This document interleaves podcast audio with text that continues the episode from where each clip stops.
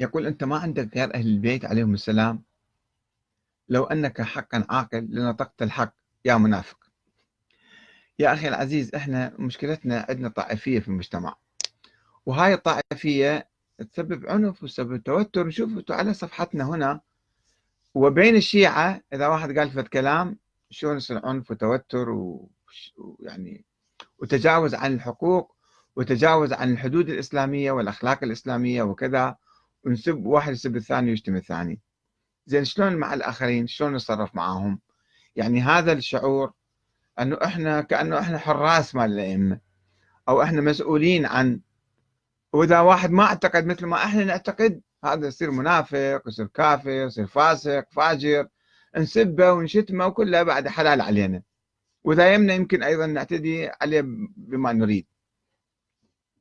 هذا مش صحيح. يعني هدفنا من هذا الكلام أن نرجع للاعتدال. خلي نكون ناس آه، فعلا متخلقين من أخلاق أهل البيت ومعتدلين ونتعامل مع من يخالفنا ويعارضنا بروح ديمقراطية إذا مو بروح إسلامية.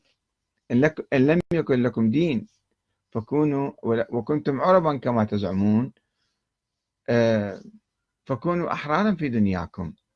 خلينا نكون إذا إحنا مو ما عندنا أخلاق إسلامية وأخلاق أهل البيت على الأقل عندنا نظام ديمقراطي ولازم نكون ديمقراطيين بالثقافة.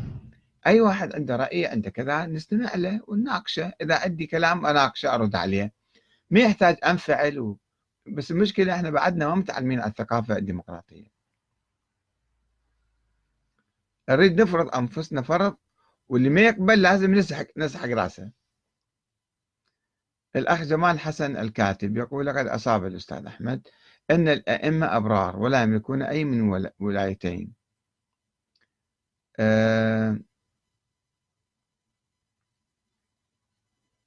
عبد المجيد السريمي يقول أنا هذا من اليمن. يقول قرأت الردود وأنا مصدوم من تعليقات بعض من يدعون الانتماء لمدرسة أهل البيت. طبعا هم إما غلاة إما مريضين في الحقيقة. إما مثل ما تتفضل